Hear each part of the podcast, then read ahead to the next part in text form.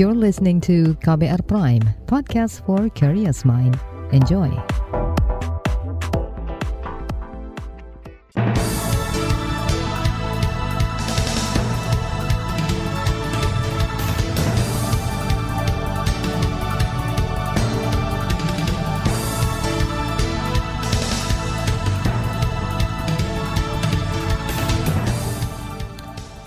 Selamat pagi saudara, senang sekali kami bisa menjumpai Anda kembali melalui program Buletin Pagi edisi Selasa 5 April 2022 bersama saya Ardi Rosyadi. Sejumlah informasi pilihan telah kami siapkan di antaranya Polri akan sanksi anggota yang terlibat kasus kerangkeng manusia. Pemerintah bantah dukung perpanjangan jabatan presiden dan Harry pemerkosa 13 santriwati difonis hukuman mati. Inilah Buletin Pagi selengkapnya. Terbaru di Buletin Pagi. Saudara juru bicara Polri, Dedi Prasetyo memastikan pihaknya akan menindaklanjuti dugaan keterlibatan anggota polisi aktif dalam kasus kerangkeng manusia di rumah Bupati Langkat, Sumatera Utara nonaktif terbit rencana perangin angin. Hal ini disampaikan Dedi saat merespons temuan kontras sumut yang menyebutkan anggota polisi terlibat langsung dalam kasus tersebut. Ketika proses penyidikan sudah berlangsung dan dari Polda Sumatera Utara sudah menetapkan beberapa tersangka dalam hal ini, apabila ada bukti-bukti baru, novum-novum baru terkait menyangkut masalah keterlibatan seseorang tidak melihat profesinya, penyidik pasti akan melakukan tindakan tapi sesuai dengan fakta hukum yang dimiliki. Proses penyelidikan yang dilakukan oleh Polda Sumatera Utara pun semuanya dikontrol dan dilaporkan ke Mabes Polri dalam hal ini Baris. Juru bicara Polri Dedi Prasetyo mengatakan semua proses penyelidikan dipantau ketat oleh Bareskrim. Ia menjamin tidak ada penyidik yang berani main-main dalam kasus kerangkeng manusia tersebut. Ia mengatakan jika penyidik bertindak tidak profesional, maka ada sanksi etik, profesi, dan pidana yang siap menjerat mereka. Sebelumnya Polda Sumatera Utara telah menetapkan delapan tersangka dalam kasus kerangkeng manusia Bupati Langkat. Namun kepolisian belum menahan tujuh dari delapan tersangka lantaran dianggap bersikap kooperatif. Selain itu kepolisian juga berdalih masih melakukan pengembangan kasus untuk menjerat pelaku lain. Hingga pekan lalu kepolisian telah memeriksa 80-an saksi untuk menjerat tersangka baru. Menanggapi hal itu, Komisi Kepolisian Nasional atau Kompolnas berjanji akan mengawal kasus penganiayaan kerangkeng manusia di Langkat hingga tuntas. Anggota Kompolnas Yusuf Warshim memastikan pengawalan akan dilakukan sampai proses penahanan para pelaku. Kita tetap monitor penanganan kasus ini yang pada apa namanya prinsipnya alasan objektif itu menjadi kepatutan untuk mereka ditahan. Hanya persoalan waktu yang tepat untuk menahannya itu yang harus kita uh, kawal terus dan kami monitor terus uh, kasus ini. Bukan berarti tidak ditahan, akan ditahan nanti pada waktu yang tepat seiring dengan urusan TPPU itu sudah mau selesai baru Yusuf mengatakan saat ini polisi masih berupaya untuk mempercepat kelengkapan berkas kasus tindak pidana tersebut. Menurutnya pekerjaan ini membutuhkan waktu yang cukup panjang ketimbang tindak pidana biasa. Ia memperkirakan Polda Sumatera Utara akan menahan para tersangka setelah berkas lengkap. Hal ini untuk mencegah masa tahanan para tersangka selesai sebelum berkas selesai. Sementara itu, staf kajian dan penelitian Lembaga Pemantau HAM Kontras Sumatera Utara Rahmat Muhammad mencurigai adanya permainan politik dalam penanganan kasus kerangkeng manusia di rumah bekas Bupati Langkat. Ia menyebut ada beberapa kejanggalan, mulai dari proses yang berjalan lama, tidak ditahannya tujuh pelaku hingga penetapan tersangka yang dinilai hanya menyasar aktor-aktor lapangan karena hasil investigasi kita justru mengarah kepada banyak aktor bukan hanya kepada 8 orang itu saja tapi juga ada aktor-aktor lain terutama juga seperti aktor penyelenggara negara ya. Ada aparatur kepolisian maupun TNI ada ormas di sana juga banyak. Lalu kemudian ada dinasti keluarga ex bupati juga. Itu hal yang menyebabkan terjadinya proses hukum yang lambat karena ada kekuatan politik ada aktor-aktor yang mungkin harus diselamatkan. Untuk itu Rahmat mendesak Polda Sumatera Utara untuk lebih cepat dan transparan dalam penanganan kasus pelanggaran HAM tersebut. Sebelumnya, Baris Krim Polri juga menolak laporan korban kerangkeng manusia yang diajukan Kontras dengan alasan proses penyelidikan masih berlangsung oleh Polda. Untuk itu Kontras berencana melaporkan hal tersebut ke Komnas HAM atau Menko Polhukam agar ada intervensi lebih kepada kepolisian. Di sisi lain, pakar hukum pidana Guru Besar Hukum Universitas Islam Indonesia Muzakir mengatakan tidak ditahannya para tersangka dalam kasus kerangkeng manusia memberi presiden buruk bagi penegakan hukum kasus-kasus lain yang ada di Indonesia. Dan mestinya uh, sikap uh, sikap aparat penegak hukum ya sesuai dengan prinsip perbuatan yang dilanggar itu. Gitu. Jadi harusnya begitu. Jadi jangan sampai oh karena kooperatif karena atau mungkin karena dia adalah uh, mantan pejabat atau pejabat di pemerintah daerah, hmm. menurut saya itu sangat tidak relevan. Justru sebaliknya bahwa kalau itu dibiarkan tidak ditahan, itu pesan kepada publik. Kalau berbuat jahat kayak gitu nggak diapa-apain, nanti akan memberi pembelajaran kepada publik yang negatif juga. Pakar hukum pidana Muzakir juga mengatakan ancaman pidana yang menjerat kedelapan tersangka terkait dengan manusia dan kemanusiaan telah menyentuh prinsip-prinsip hak asasi manusia dan filsafat Pancasila. Untuk itu, penjatuhan hukuman dengan pasal berlapis harus segera dilakukan. Jika tidak, kepercayaan masyarakat terhadap penegakan hukum akan menurun. Saudara pemerintah membantah beri dukungan amandemen masa jabatan presiden. Informasi selengkapnya akan datang saat lagi, tetaplah di Buletin Pagi KBR. You're listening to KBR Pride, podcast for curious mind. Enjoy!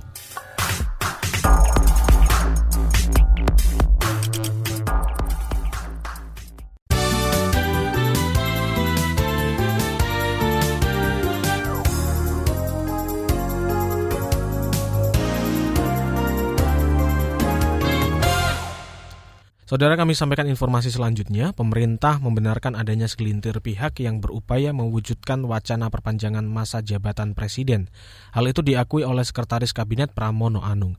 Akan tetapi, dia membantah adanya upaya amandemen mendapat dukungan istana ataupun Presiden Jokowi bahwa kemudian masih ada yang mencoba, namanya juga mencoba. Tetapi kan kami tahu untuk merubah, apalagi melakukan amandemen Undang-Undang Dasar tidak mudah, dan itu akan membuka kotak Pandora ke mana-mana. Saya yakin uh, ini menjadi pelajaran karena saya termasuk menjadi bagian di tahun 99 ketika amandemen itu uh, dilakukan.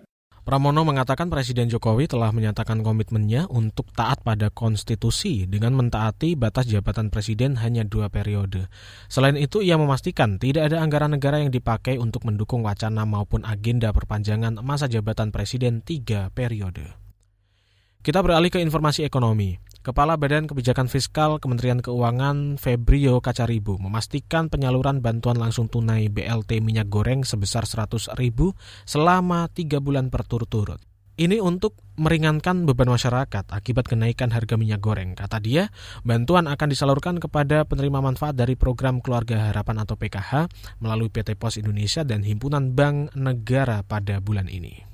Uh, tentunya ke depan, eh, ini yang tadi saya sebutkan kita jaga dengan penebalan perlinsos, ada BLT pangan, 100 ribu per KPM selama tiga bulan, jadi totalnya 300 ribu, diberikan sekaligus di bulan April. Ini untuk 20 setengah juta KPM. Selain itu, kata dia, BLT minyak goreng akan diberikan kepada 2,5 juta pedagang kaki lima atau PKL makanan. Sama dengan KPM, Kementerian Keuangan mematok total bantuan itu sebesar Rp300.000 selama 3 bulan.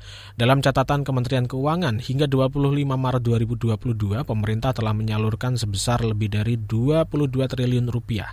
Angka itu sebesar 5 persen dari alokasi yang ada, yakni sekitar 455 triliun rupiah. Sementara itu, Menteri Koordinator Bidang Perekonomian Erlangga Hartarto mengatakan, sesuai dengan arahan Presiden Jokowi, saat ini pemerintah sedang mematangkan program bantuan subsidi upah pekerja atau BSU. Kata dia, rencana bantuan ini akan diberikan kepada tenaga kerja yang memiliki gaji di bawah 3 juta rupiah.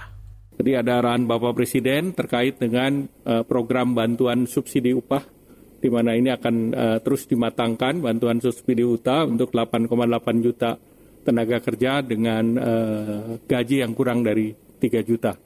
Nah ini sedang dimatangkan, kemungkinan uh, dalam waktu dekat akan diumumkan. Sementara itu Erlangga mengatakan realisasi program pemulihan ekonomi nasional atau PEN per April 2022 baru mencapai 29 triliun rupiah dari pagu 455 triliun rupiah. Realisasi itu baru berkisar 6,4 persen dari alokasi yang disediakan pemerintah untuk tahun 2022. Kita beralih ke informasi lain, Kementerian Kesehatan Republik Indonesia melaporkan sebanyak lebih dari 160 juta warga Indonesia telah divaksinasi COVID-19 secara lengkap. Angka ini dirilis per 4 April 2022 kemarin. Sementara itu, Kementerian Kesehatan juga menyebutkan penerima dosis vaksin ketiga terus bertambah, kini sudah tembus 24 juta orang. Pemerintah menargetkan sasaran vaksinasi secara nasional mencapai 208 juta jiwa.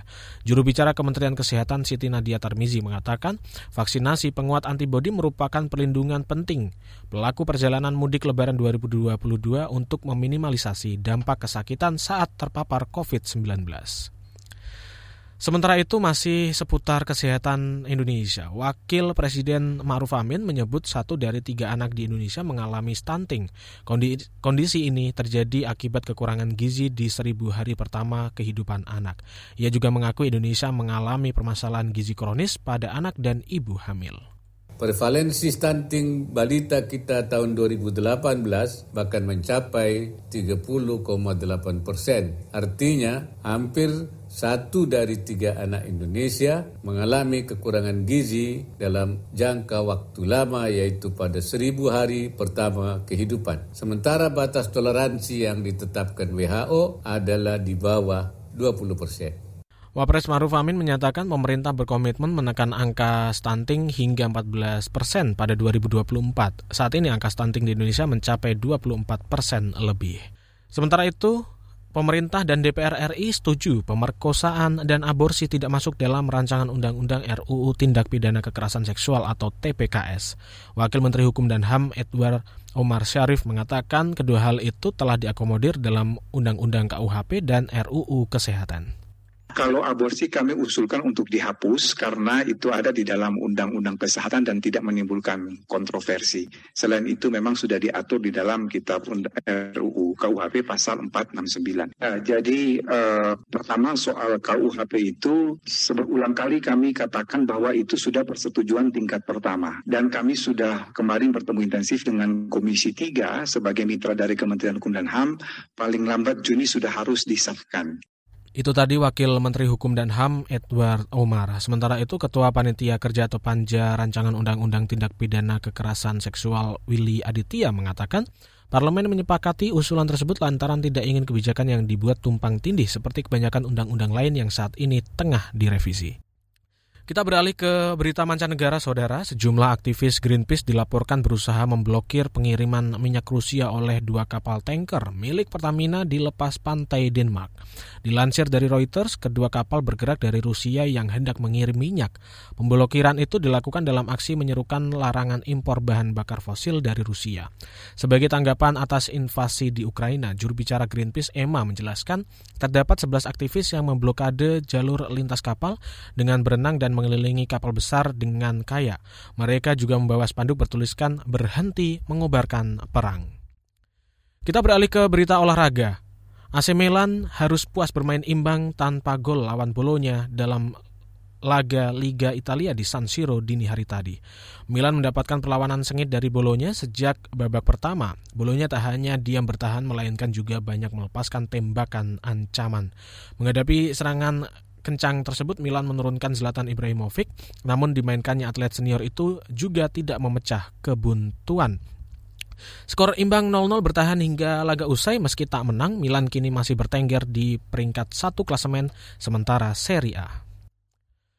Di bagian berikutnya kami akan hadirkan laporan khas KBR bertajuk PPN naik dan dampaknya untuk masyarakat. Tetaplah di Buletin Pagi KBR.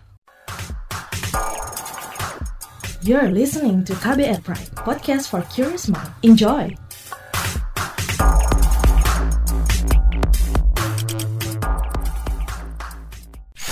Commercial break.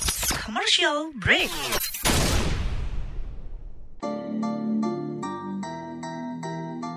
Come on yo, buat yang sukanya berhoax, you better listen to this one. Check this one out yo. Hati-hati kalau baca kabar Hoax.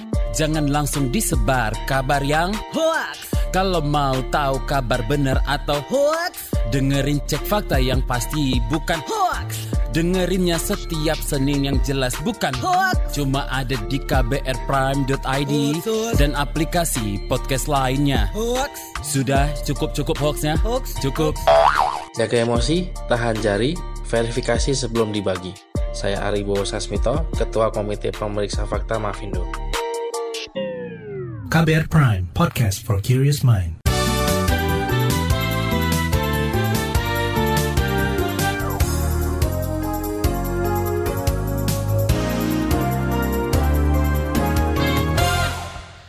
Terima kasih Anda masih bersama kami di Buletin Pagi KBR. Kami sampaikan saudara pemerintah memperlakukan pajak pertambahan nilai PPN 11% mulai bulan ini. Ketentuan itu mengacu undang-undang tentang harmonisasi peraturan perpajakan HPP.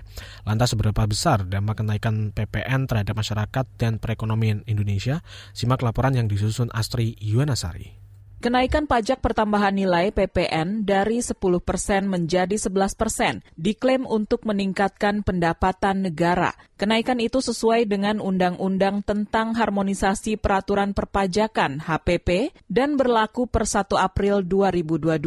Sektor yang terkena kenaikan antara lain sejumlah layanan perbankan, seperti biaya transaksi reksadana. Menurut Menteri Keuangan Sri Mulyani, dua kontributor terbesar dari pajak nasional adalah PPN dan PPH korporasi.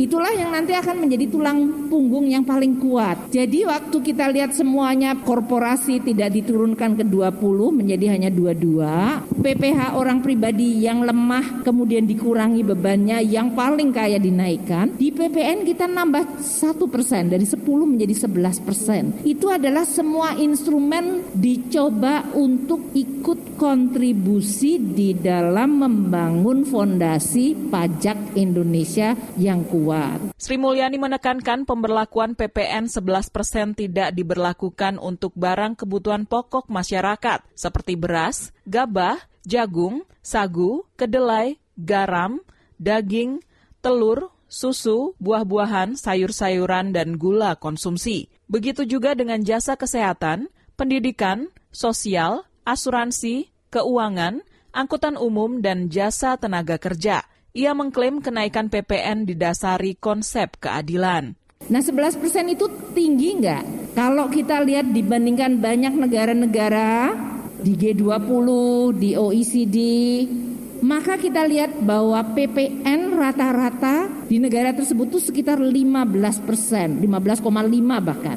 Jadi kalau Indonesia dari 10 ke 11 nambah 1 persen, itu untuk PPN ikut kontribusi dan tadi PPH-nya makin adil menunjukkan perbedaan dan juga dari sisi untuk UMKM masyarakat tidak mampu diberikan bantuan. Itu yang disebut konsep keadilan. Jadi nggak bisa dipisah-pisah. Pemerintah mengklaim saat ini adalah momen tepat untuk melakukan perbaikan secara simultan dan paralel, termasuk melakukan penyesuaian tarif PPN dari 10 ke 11 persen.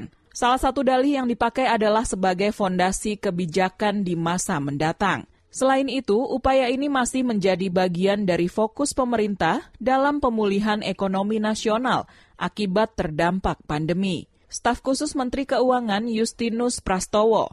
Tetapi terhadap barang kebutuhan pokok tetap kita berikan fasilitas tidak dikenakan PPN atau bebas PPN. Juga jasa pendidikan, jasa kesehatan, dan lain-lain seluruh yang telah diberikan fasilitas itu juga dipertahankan saat ini. Dengan demikian diharapkan barang dan jasa yang menjadi kebutuhan masyarakat banyak tidak terdampak karena PPN-nya memang tidak naik. Meski begitu, ia mengklaim pemerintah bakal terus melakukan upaya-upaya luar biasa agar kenaikan harga-harga dapat dikendalikan serta tetap menjaga daya beli masyarakat. Jadi dalam Undang-Undang HPP ini kita lihat secara holistik. Yang pertama saya ceritakan dulu, ada penghasilan tidak kena pajak untuk wajib pajak UMKM. Omset sampai dengan 500 juta setahun tidak dikenai pajak. Dulu ini tidak ada. Artinya ini sangat melindungi pelaku UMKM yang di level mikro kecil. Menurut hitungan Kementerian Keuangan, kenaikan tarif PPN menjadi 11 persen tidak berdampak besar terhadap lonjakan inflasi.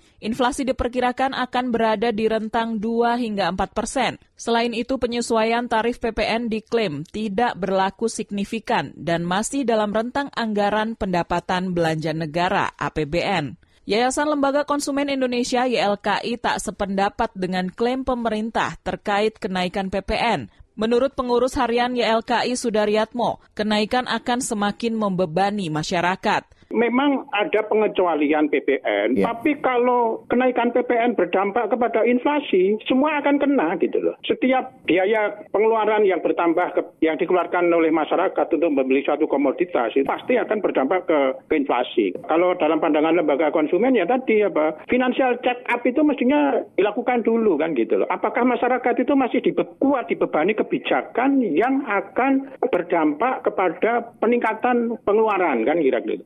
Dan pemerintah juga mestinya tidak hanya mengeluarkan kebijakan yang berdampak kenaikan expenses, tapi juga memberikan kebijakan yang berdampak peningkatan income itu baru fair. Pengurus harian YLKI Sudaryatmo menyebut kebutuhan pokok akan terdampak kenaikan PPN, meski termasuk barang yang dikecualikan. Terlebih jika kenaikan PPN menyebabkan inflasi, apalagi saat ini banyak komoditas penting yang harganya melonjak, seperti BBM, kedelai, dan minyak goreng. Demikian laporan khas KBR, saya Astri Yuwanasari. Informasi dari berbagai daerah akan hadir usai jeda. Tetaplah bersama kami di Buletin Pagi KBR. You're listening to KBR Pride, podcast for curious mind. Enjoy!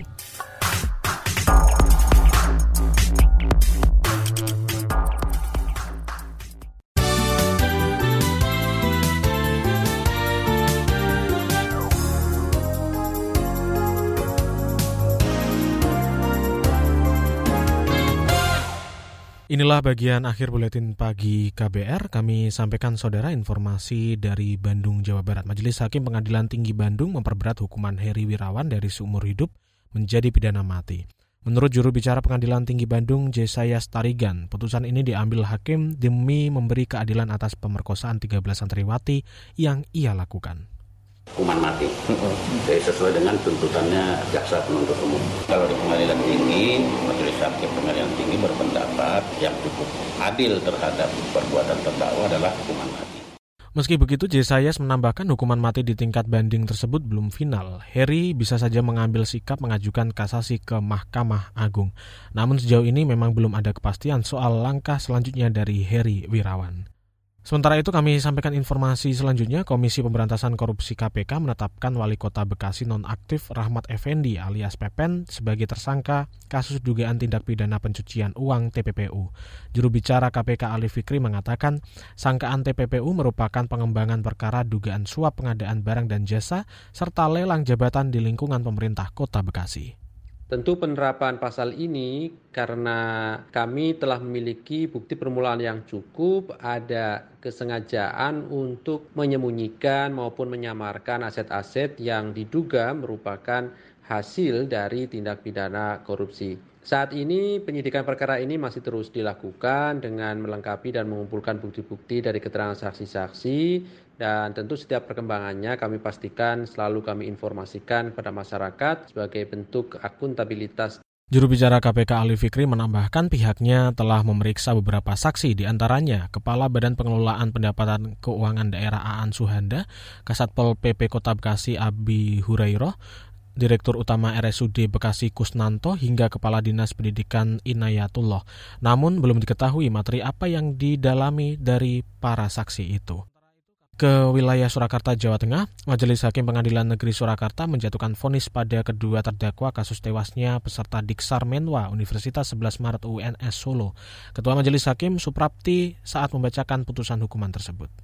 Terbukti sah dan meyakinkan bersalah melakukan tindak pidana, turut serta melakukan karena kealpaannya mengakibatkan orang mati. Sebagaimana dalam dakwaan alternatif. Dua, menjatuhkan pidana kepada para terdakwa oleh karena itu dengan pidana penjara masing-masing selama dua tahun. Lebih lanjut lagi, dalam putusannya tersebut Majelis Hakim memberi kesempatan para terdakwa yakni NFM dan FPJ untuk berunding dengan pengacara masing-masing terkait penerimaan putusan tersebut. Sementara itu, keluarga almarhum Gilang Endi, mahasiswa korban Diksar Menwa Universitas 11 Maret UNS Solo mengaku kecewa dengan vonis rendah pada kedua terdakwa kasus tersebut. Orang tua almarhum Gilang Endi Sunardi mengatakan tetap menghormati putusan hukum majelis hakim kasus anaknya itu. Menurut Sunardi, putusan jauh lebih rendah dari tuntutan jaksa, yaitu tujuh tahun penjara. Informasi dari Kota Solo, Jawa Tengah tadi menutup jumpa kita di Buletin Pagi hari ini. Pantau juga informasi terbaru melalui kabar baru, situs kbr.id, Twitter kami di akun @beritaKBR, serta podcast di alamat kbrprime.id. Akhirnya saya Ardi Rusadi bersama tim yang bertugas undur diri. Salam.